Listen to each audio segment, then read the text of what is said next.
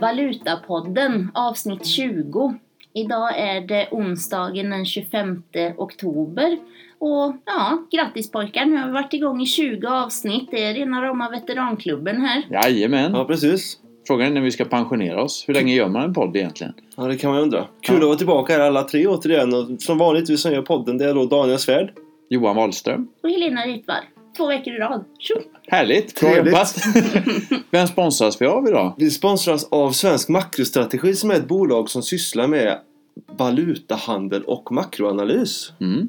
Och idag har vi tänkt att vi ska prata lite mer om att eh, innevarande vecka är en väldigt intensiv centralbanksvecka. Så ska vi gå igenom lite grann vad vi får för typ av besked och vad som kan vara intressant där. Mm. Sen så ska vi få oss en liten uppföljning på, på eh, guldpriset och vad som har hänt på den scenen sen senaste gången vi hade podd här. Ska Helena få, få berätta lite mer om det? Spännande. Johan ska få djupdyka lite grann. Vi har ju haft ett intressant eh, val i Japan Jajamän. under helgen. Så det, det ska Johan få grotta ner sig i och även naturligtvis eftersom han är vårt börsorakel så ska han få prata lite om börsen mitt uppe i brinnande rapportsäsong. Mm. Och sen så ska jag prata lite grann om eh, valutaeffekt på slutet. Så det är det ganska digert, eh, digert smörgåsbord vi har idag så det är väl lika bra att sparka igång.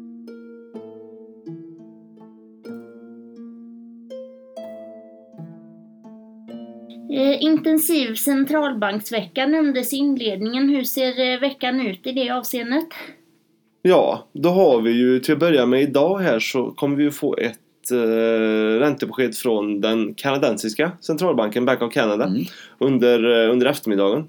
Det väl, finns inga direkta förväntningar på dem eh, utan eh, man förväntar sig lämna räntan oförändrat men de har ju varit lite grann på krigsstigen här den senaste tiden och gjort ett par, par räntehöjningar så Mm. det kan vara intressant att, att följa med vad som sägs om eh, den närmsta framtiden om man nu inte skulle hel chocka marknaden med och ett agerande även idag. Nej. Man kan faktiskt eh, gå, gå tillbaka på avsnitt där vi pratar om Kanada. För att se lite hur det hänger ihop med den amerikanska utvecklingen. Eh, om man är intresserad av Kanada. Ja precis, nej men den kopplingen är ju, glasklar när det gäller just de två ekonomierna. Det är ju lite som Sverige och Norge kan man säga att, att eh, vi ligger geografiskt nära varandra, vi har mycket business ihop och Ja, precis. vi påverkar varandra både och i synnerhet så påverkar ju, påverkas ju Kanada väldigt mycket av det som jänkarna gör. Ja. Och det gäller även då centralbankspolitik så att eh, det är ingen chock att de kanske är tvåa på räntehöjningsbollen. precis. Men det borde de inte bli. De borde lå- låta den bollen vara eh, i eftermiddag så det lär inte bli någon eh, räntehöjning. I vad, jag, vad jag kan se i alla fall. Däremot imorgon så får vi lite besked här från hemmaplan. Sverige först ut med räntebesked. Och eh, efterföljande presskonferens från, från Riksbanken då. Mm. Bara någon timme senare så, så får vi motsvarande besked från Norge och eh, Øystein Olsen och kompani i Norges bank som Ja. också har presskonferens där under förmiddagen. Och sen då det grande, eh, la grande finale på eftermiddagen från eh, Europeiska centralbanken, Mm. ECB. Eh, och det är väl där Eh, om, som, som det ser ut från, från de nordiska länderna, både Riksbanken och Norges bank, så kan man väl inte förvänta sig något, något revolutionerande besked. Men däremot från, från ECB så kan det bli eh, rätt intressant vad som kommer att sägas Ja. och hur det kommer att påverka ja, både börser och eh, räntor och valutor eh, i hela Europa. Mm. Så det, det är någonting som vi kommer att, att ha, varenda ord kommer att vägas på guldvåg. Alltså ECB är det du tror blir mest intressant. Eh, Vad ska vi lyssna efter för besked där då? Ja, återigen så handlar det ju om, eh, trots att det är ett räntebesked så är det ju inte primärt räntan det handlar om. Eh, Utan det som det finns eh, stora förväntningar på marknaden om att få ytterligare information om det är ju Europeiska centralbankens eh, stimulansprogram som det så vackert heter. Trycka pengar-program, köpa tillgångar-program, kärt barn har många namn. Men tanken är ju att man ska um, gå lite grann i den amerikanska centralbankens fotspår och börja trappa ner det här vad det lider. Men eh, att det, det kan komma att dröja. Eh, är väl marknaden inställd på redan. Men de förväntningarna som finns där är att, man ska, att vi ska kunna få ytterligare information kring, eh, kring deras eh, stimulansprogram. Och att som det är just nu så, så löper programmet fram till årsskiftet. Och sen efter det så är det oklart. Det är väl ytterligare information vad som händer efter årsskiftet som, som framförallt man kommer lyssna mest intresserat efter. Mm. Och de förväntningar som finns på marknaden det är att det kommer att förlängas eh, stimulansprogrammet men att takten då, alltså antalet miljarder euro per månad som man köper eh, eh, finansiella tillgångar för eh, kommer att minskas. Mm. Ligger ju i dagsläget på 60 miljarder euro per månad som centralbanken köper då eh, för. Så eh, Nu tar jag en etapp i taget där liksom. Ja men precis så att man inte man, man, Tanken från ECBs håll är väl att man inte vill chocka marknaden och ta bort allting Alltså rycka bort mattan Mm. fullständigt på en gång Ut- Men de, de förväntningar som finns det är att eh, programmet förlängs eh, mellan ett halvår upp till ett år eh, Genomsnittsförväntningar ligger väl på att man lägger till ytterligare nio månader Mm. Alltså tre kvartal och att eh, takten då som man köper för varje månad halveras så att man kommer att köpa för 30 miljarder euro i ytterligare 6-12 månader någonstans 9 månader så, så utifrån de här eh, förväntningarna så kan man ju säga då att skulle det bli så att man, eh, man inte skär ner så här mycket det vill säga man köper för mer eller fortsätter köpa för mer än 30 miljarder euro per månad eh, efter årsskiftet Mm. så, eh, så kan euron komma att tappa på det. Och skulle man ta i överkant och ta bort ännu mer än vad marknaden förväntar sig så, så, så kommer det ju att stärka euron ytterligare. Mm.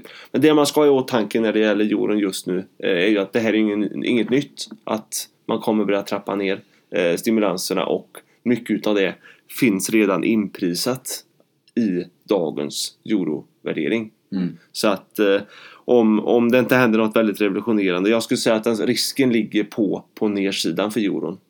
Eh, det ska, jag, jag tror att det ska mer till för att man ska kunna leva upp till de eh, europositiva förväntningar som finns inprisat på marknaden idag än, än tvärtom. Mm. Så vad som kan komma att hända imorgon där om, om eh, eh, Draghi inte riktigt lever upp till förväntningarna det är ju att eh, euron hamnar under press helt enkelt. Mm. Och det kommer vi ju naturligtvis följa med största intresse. Fullspäckad dag imorgon. Ja, det kan man ju lugnt säga med tre, tre centralbanksbesked. Då, då ser man ju inte, ser man ju inte så mycket av mig den dagen utan det är väl rätt mycket, rätt mycket skärmtid. Du kan inte gå och prata med dig sådana dagar vet du. Nej. Nej, men det, de är inte så många i alla fall. Det är några, dagar, några dagar om året, ett tiotal kanske. Som, Mm. Man Prata är- kan man göra men man får inget svar. Exakt. Precis. Ytterligare en sak där med gällande morgondagens EC-besked som är intressant det är ju att ECB är ju lagledaren för centralbankerna i Europa. Mm. Och det de gör, säger, tycker, tänker får väldigt stora konsekvenser för hur andra mindre centralbanker i Europa agerar. Mm. Och det vet vi sedan tidigare med den diskussion vi har haft med Ingves. Eh, Riksbanken vill inte springa före eh, ECB och så vidare. Det har vi varit, varit igenom. Men eh, det som jag tycker är intressant med, med ECB just där imorgon det Vi vet ju sedan tidigare att Draghi har sagt att räntorna i eurozonen de kommer att stanna på dagens nivåer, alltså nollnivåer eller lägre Mm. ända fram till, eller längre än Alltså så länge som man fortfarande har sitt stimulansprogram igång eller längre. Mm. Så att skulle man förlänga stimulansprogrammet med, med nio månader då kommer man ju inte att, du kommer inte få se någon räntehöjning eh, förrän tidigast 2000, 2019 Nej. om, om man håller sig till det man säger. Mm. Och det i sin tur då gör ju att vi måste tänka kring hur till exempel Riksbanken då kommer att agera. Mm. För om inte, inte ECB får arslet ur vagnen så, så kommer ju heller inte eh, svenska Riksbanken att, kunna vara så aggressiv med, med räntehöjningar under nästa år. Så eh, Och återigen så har ju Riksbanken sitt möte fem minuter innan ECB. De lär sig liksom inte. De behöver ju veta vad ECB gör innan de hittar på. Nej, då får vi vänta en och en halv, två månader till. Ingves så är var väl måttligt road förra, vid förra räntemötet. Han lät eh, inte som den vanliga solstrålen man alltid brukar låta som. Nej, precis. Men eh, vi får, vi, får se, vi får se där vad som sägs från, från europeiskt håll imorgon och då vet vi ju även, då har vi även facit från Riksbanken och eh, Norges Bank. Mm. Så då, då ska vi ha lite mer ränteinsikt när det gäller eh, den europeiska delen av spelplanen i alla fall. Mm. Kul! Jättebra, men då skickar jag med varm hand över eh, diskussionen till eh, Helena och en liten, ett litet nytt språng in i guldvärlden.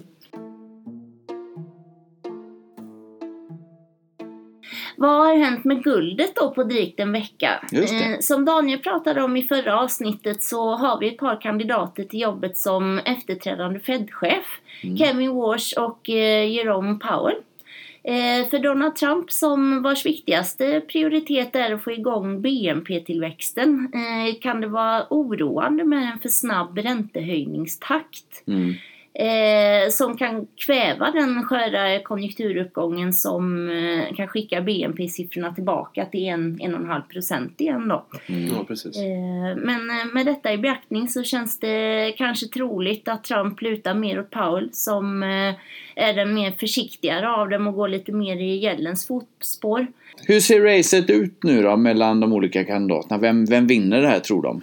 Ja, Powell har ju som det ser ut nu 66% chans att vinna om man tittar till hur bettingbolagens kunder satsar sina pengar just nu. Det är så pass. Eh, det blir lite spännande att se.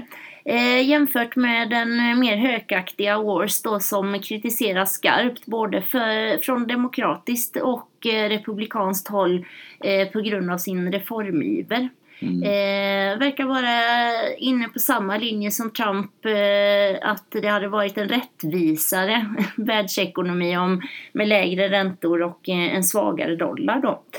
Eh, Stanford-professorn eh, John Taylor som också är kandidat med de tyngsta akademiska meriterna Mm. eh, är mest känd för att han 1993 presenterade en formel för hur penningpolitiken och förändringar av styrräntan är sammanlänkade med inflationen och ekonomi tillväxten då. Mm. Eh, den så kallade Taylor-regeln. Men eh, han har kritiserat Fed för att ha lämnat den här regeln under början av eh, 2000-talet vilket ledde till då fastighetsbubblan och finanskrisen 2008. Mm. Mm. Eh, Det råder en del delade meningar om i vilken takt man vill höja räntan och vilket är bäst. Ta ett steg i taget och doppa en fot åt gången eller om man ska kasta sig i direkt utan att ens kolla temperaturen först och chocka marknaden helt enkelt. Man vet ju heller inte med, med Trump. Han kan ju, det här med att Powell är hans favorit. Mm. Han kan ju råka säga något dåligt om hans, eh, vad vet jag, tv-program The Apprentice och så känner sig Trump lite kränkt. Så ändrar han sig direkt igen. Precis, så fattar han det beslutet baserat på känslor. Så man vet ju aldrig egentligen. Nej. det. Det Men det ska väl komma ett besked, eh, borde komma i vilken dag som helst Ja. egentligen. Ja, För så som spekulationerna ser ut så hörde jag lite om det som sades förra veckan. Det var att senast under avslutningen på nästa vecka så, så ska vi veta Ja. i alla fall vem han tänkt sig nominera. Och det, som vi var inne på tidigare så han twittrade själv i måndags där om, om att det är väldigt, väldigt nära. Ja. Ja, han eh, skulle snart eh, avisera där vem man ville se eh, skulle leda Fed och eh, då fick vi ett skutt direkt med en 6-7 dollar där på någon sekund bara i, i, i guldet. Mm. Eh, och det visar att marknaden är villig att sälja av dollarn och köpa till exempel Mm. guldet eller euron som eh, reaktion på Jerome Powell eh, skulle få det som Ja. ny Fed-chef. Ja, precis. Nej, men det, det är riktigt. Jer- Jerome.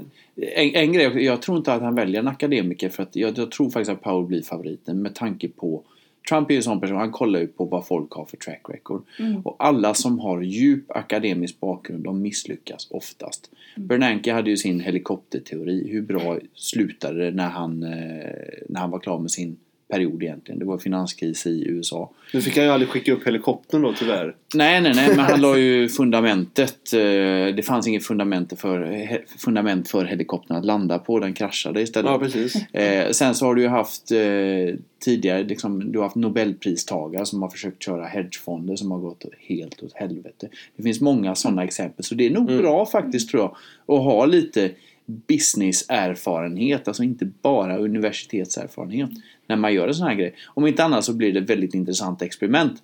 Precis som jag tyckte att Trump skulle bli ett intressant experiment om han kom till makten i och med att han var en framgångsrik företagsledare. Men det har ju gått sådär om jag ska Ja, ja, nej, det, det. så är det ju. Men om inte annat så kan vi, om inte annat så kan vi ju ta och titta på um, vilka, vilka uh, ingredienser han valde i sin egen regering. Han tog ju Ja. extremt mycket mer från, från näringslivet än uh, det var en politisk elit som var fallet tidigare. Så att det är inte alls omöjligt att tänka sig att det blir samma även i, i de de, det är inte bara en utnämning eller nominering till centralbanken. Det finns ju även tomma platser som, Ja. som han ska utse kandidater för Ja. här nu. Så att Eh, det är ju ett par tre namn som, som, som kom, ska in så att säga. Mm. Va? Och det, där har ju han rätt stor, stort inflytande eh, när det gäller just att nominera kandidater. Ja. Eh, vad var det mer jag tänkte på? Sen eh, kommer du Johan prata lite mer om det japanska valet. Jajamän. Eh, med den utgången där har ju också stor betydelse för guldet på, på medellång sikt tycker jag. Man har haft händerna bakbundna i väldigt lång tid och att man nu eh, som världens tredje största ekonomi kan komma att rusta sig för krig är ju också guldpositivt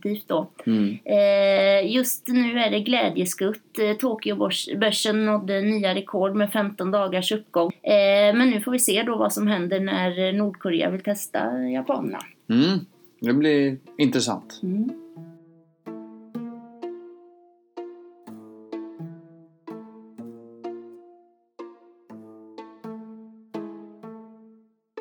På inslagen väg då så passar det väl väldigt bra att hoppa över till Johan och det japanska valet. Mm.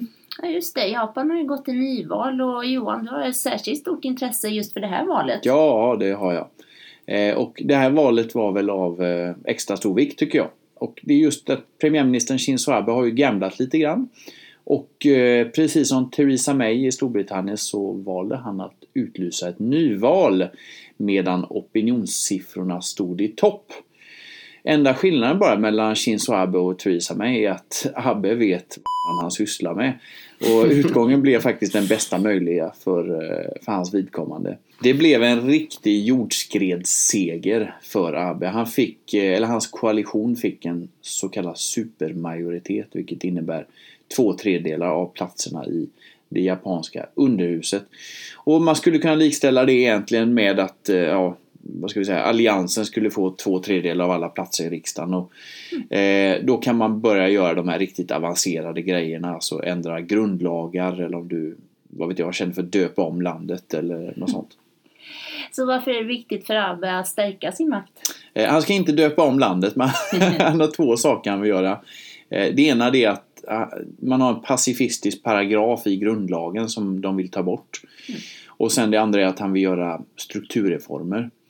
Eh, och eh, det är viktigt att känna till bakgrunden i den här grundlagsändringen. Eh, för om man kollar i historien då att när Japan förlorade andra världskriget så blev man ockuperad av USA från 1946 till 1952. Mm.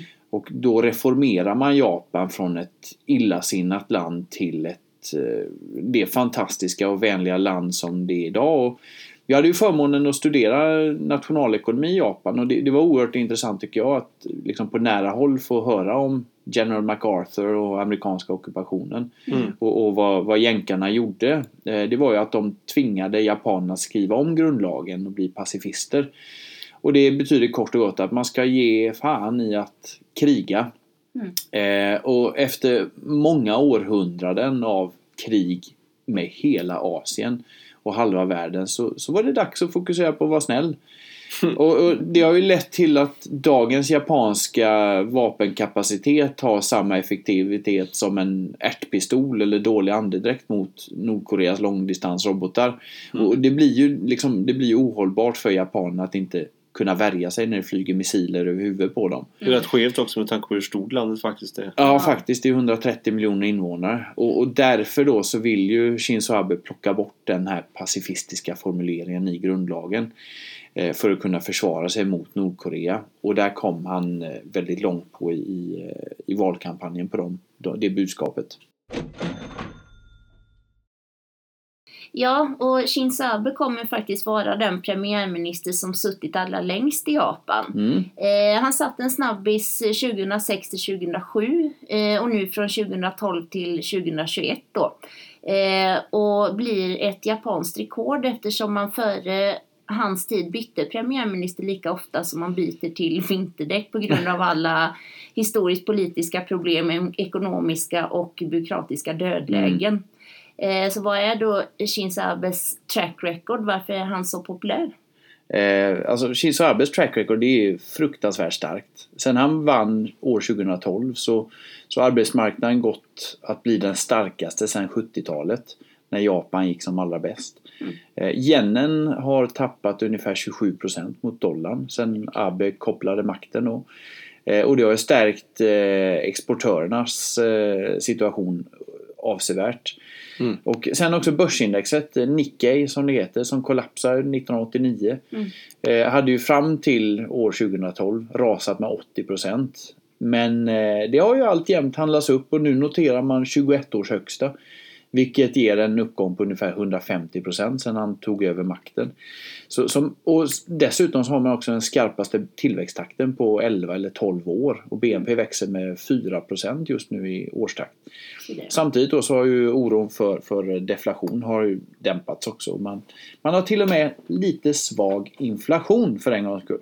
Ja. Eh, vad är det för strukturella reformer som man kommer genomföra? Vad är bakgrunden Mm. till varför Japan behöver så stora stimulanser? Japan vill bli starka igen.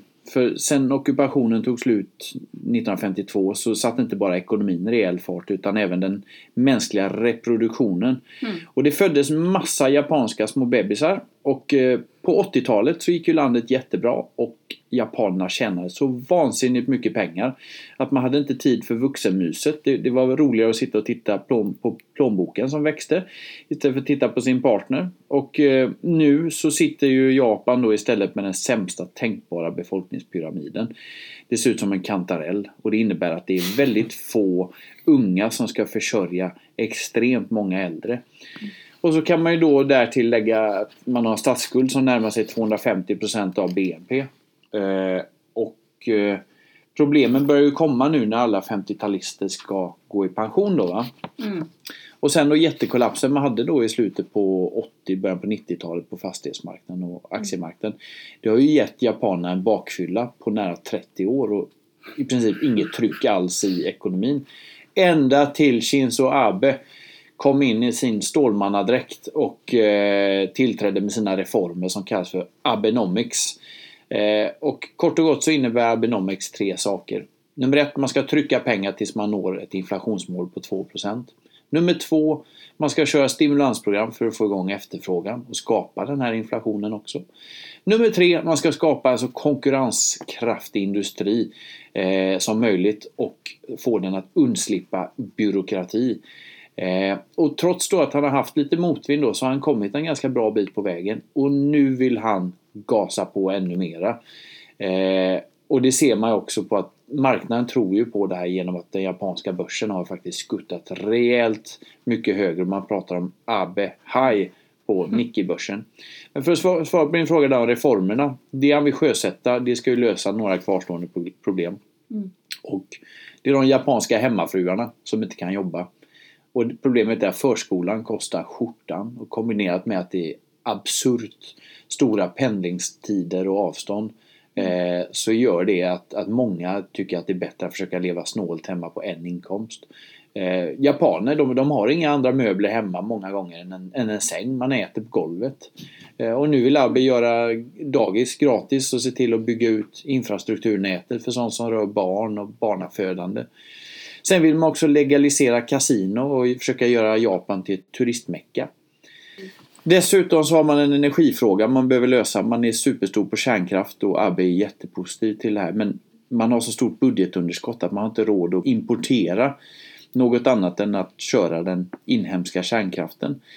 Eh, och sen är också inflationen då som vi var inne på. Och eh, grejen är ju det att tack vare att Abe fick så stort stöd så lär också centralbankschefen Kuroda bli omvald nu i mars tack vare det stödet och det här kan bli väldigt bra tror jag.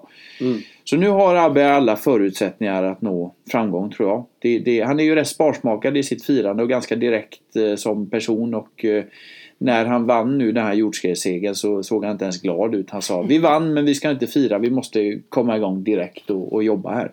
Okej. Om det är det man vill höra, liksom, när att nu ska det skrivas till verket och, Ja, och börja har inte ens smidas. tid med- att jag käka en tårta liksom. Precis.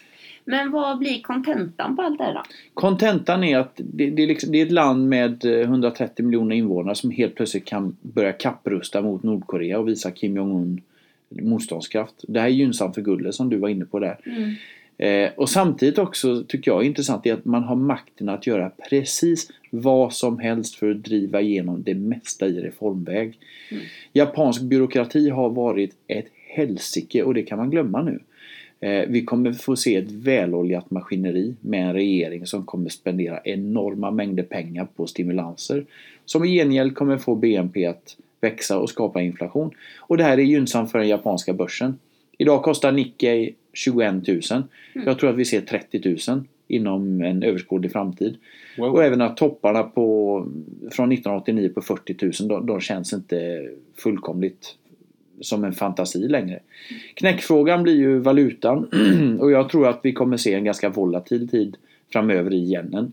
Mm. Men det viktigaste är det att hålla koll på både korta och långa räntor i, i Japan. För att Bank of Japan får man ju komma ihåg, de är ju en väldigt aggressiv centralbank. Mm. Och eh, de kommer ju lika snabbt som man öser ut nya pengar så kommer man parera plötslig inflationsstyrka eh, mycket aggressivt. Och alla sådana här okonventionella medel som man kör och massstimulanser får förr eller senare fäste i ekonomin och riskerar att skapa en överhettning. Så yenen tror jag kan snabbt gå från att vara lånevaluta till att bli nästa decenniums otippade valutacase. Men det ska bli oerhört kul att eh, följa och fokusera mer på eh, Japan, tycker jag. Absolut. Precis.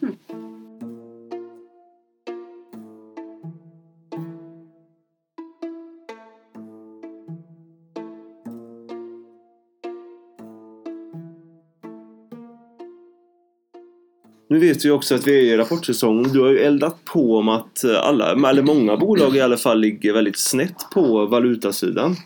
Har du några kommentarer kring eh, rapportsäsongen hittills? Jag har alltid kommentarer kring rapportsäsongen. Ja, shoot då! Upprörd som alltid.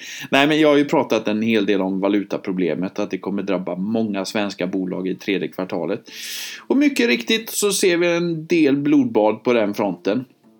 Och jag kollar på några rapporter där Atlas Copco tappar en, över en kvarts miljard på ett kvartal på grund av dollarkursen. Eh, och som vi upprepat många gånger i flera poddavsnitt, nästan vartenda ett skulle jag tippa på. Så, så är det så här att bolag som inte hedgar sin valutarisk är extremt känsliga när det uppstår sådana här kurssvängar. Och Boliden var en fullkomlig katastrof precis som vi sa. Eh, de kom in med en rapport som var långt under förväntan och försäljningen drabbas av hur mycket mindre man får betalt när man säljer i dollar och sen räknar om det. Det är väldigt enkel matematik det här. Och sen så har man en aktiekurs då som går upp 27% i tredje kvartalet samtidigt som valutan de säljer i tappar eh, 4% och det är 90% av deras försäljning. Hur kan man som analytiker inte ta höjd för sånt här? Ja, det är så enkelt. Det borde vara enkelt. Så här är det i flera bolag. Det, det är katastrofrapport. Aktien går ner 10%. Det är ju väntat. Så för att aktiemarknaden väg, Det här är ju bara för att aktiemarknaden vägrar lyssna på valutamarknaden. Man lär sig aldrig. Men det verkar ju som att börsen börjar se lite allvaret i det här också med, med omställningen i svenska kronan mot eh, dollar. Men de, de får ju reda på det den, den hårda vägen så att säga. Mm. Men du Daniel, då, va- valutaeffekt är ju någonting som eh, man generellt sett, eller som vi pratar mycket om i rapporttider här, men det är, det är väl inte bara ett företags resultat som påverkas av detta, eller hur? Nej, så är det ju Det finns ju naturligtvis. flera aspekter. Valutaeffekt är egentligen den tydligaste, eh, tydligaste effekten som i alla fall jag då som kommer från eh, makrohållet. Det är ju hur ett land eller hur en, hur en ekonomisk eh, ekonomisk stat påverkas av eh, värdet på, på dess valuta. Mm. Eh, Ett ganska bra exempel tycker jag nu så här i, i närtid det är ju eh, Storbritannien och det brittiska pundet.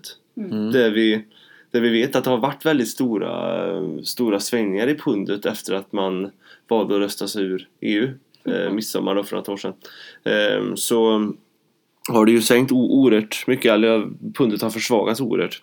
Och det har faktiskt kommit nu eh, ganska nyligen eh, nya europeiska studier som har gjorts då i den europeiska banksektorn. Att eh, det tar ungefär tio 10 månader för den här valutaeffekten som alla pratar om att slå igenom i ett lands inflationsstatistik. Det är oerhört, intressant just nu eftersom det var ganska exakt eh, 10 månader sedan pundet eh, bottnade ur strax under 1,2 eller 1,20 mot, eh, mot den amerikanska dollarn. Mm. Och då, då kan man väl lägga ihop två och två. Säga att eh, nu har vi liksom sett den största effekten på det brittiska pundet eller på inflationen som kommer från valutaeffekten. Precis. Alltså för ju svagare pundet är desto mer eldar det på inflationen. Och det är också den här uppeldade inflationen som ska ligga till grund för att centralbanken där ska agera med en eh, räntehöjning eh, Ja. redan nästa månad. Så att eh, jag, jag tycker man, man ska inte vara så snabb här utan eh, mot bakgrund av att det har inte varit det har inte varit bara positiva ekonomiska eh, rapporter från Storbritannien den senaste tiden. Det har varit ganska svalt. Om man bortser då från eh, dagens BNP-rapport som var, som var solid. Mm. Men innan det så har det varit en hel del grus i maskineriet. Och det här är jag helt övertygad om att eh, den engelska centralbanken eller Bank of England följer väldigt noggrant. Mm. Och det är inte alls säkert att eh, de väljer att gå igenom med någon, eh, någon räntehöjning där nästa månad. Nej. Och gör man det inte nästa månad då tror jag inte man kommer göra det alls. För då har, börjar vi att se att då kommer valutaeffekten att vändas. Alltså då, för då kommer pundet att vara, eh, alltså om man går tillbaka 10 månader och ytterligare, eh, då, då kommer man få en negativ eh, inflationseffekt från valutasidan jämfört med tidigare. Eftersom Mm. pundet, pu- pundet bottnar ur. Eh, och det, kommer bara bli starkare nu här Precis. eh, om man går med samma, samma lagd så att säga. Så att eh, det kan bli väldigt intressant och blir, det här som jag pratar om verklighet nu så, så tycker jag pundet ser väldigt, väldigt, väldigt dyrt ut. Ja. På nivåer över en, eh, en 30 eller nästan upp mot en 32 var det går i alla fall. Mm. Så skulle jag inte alls främmande för att vi, vi kan se pund-dollar då som jag pratar om en bra bit under, under 1,30 ner mot Mm. 1,26, 1,27 kanske. Givet att det inte blir någon eh, räntehöjning där, eh, där nästa månad. Mm. Så det, Värt att nämna är att vi ligger runt 1,32 i talande stund. ja, just det. Mm.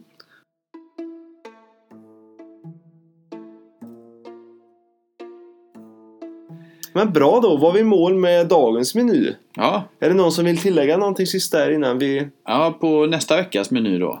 I och med att det är rapportsäsong, eh, någonting som är, är intressant att hålla koll på och ta lite höjd för det är alla amerikanska oljebolag som kommer rapportera nu. När, med tanke på hur lågt oljepriset har varit, med tanke på rädslan för allt som händer på oljemarknaden. Hur har de agerat med sina investeringar? Det är väldigt mycket osäkerhet kring det här som kan sätta igång en, eh, en, en rörelse på, på oljemarknaden. Mm. Eh, och det här för ju också tankarna till eh, vad kommer OPEC hitta på och eh, även vad kommer hända med eh, oljevalutorna Kanadadollar och norska kronor.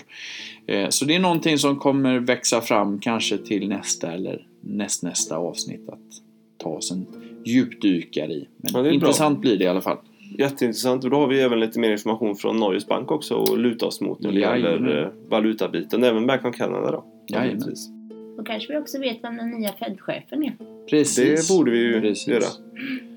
Men Spännande, jättebra. spännande. Ja, fortsättning följer. Mm. Precis. Och som vanligt så tackar vi alla som har lyssnat och eh, uppmuntrar lyssnare och eh, skicka in frågor. Och vill man komma i kontakt med oss så kan man göra det via Twitter. Att Valutapodden. Vi har en Facebook-sida som heter Valutapodden. Och man kan nå oss per e-post info at valutapodden.se Vi hörs om en och en halv vecka. Tack så mycket.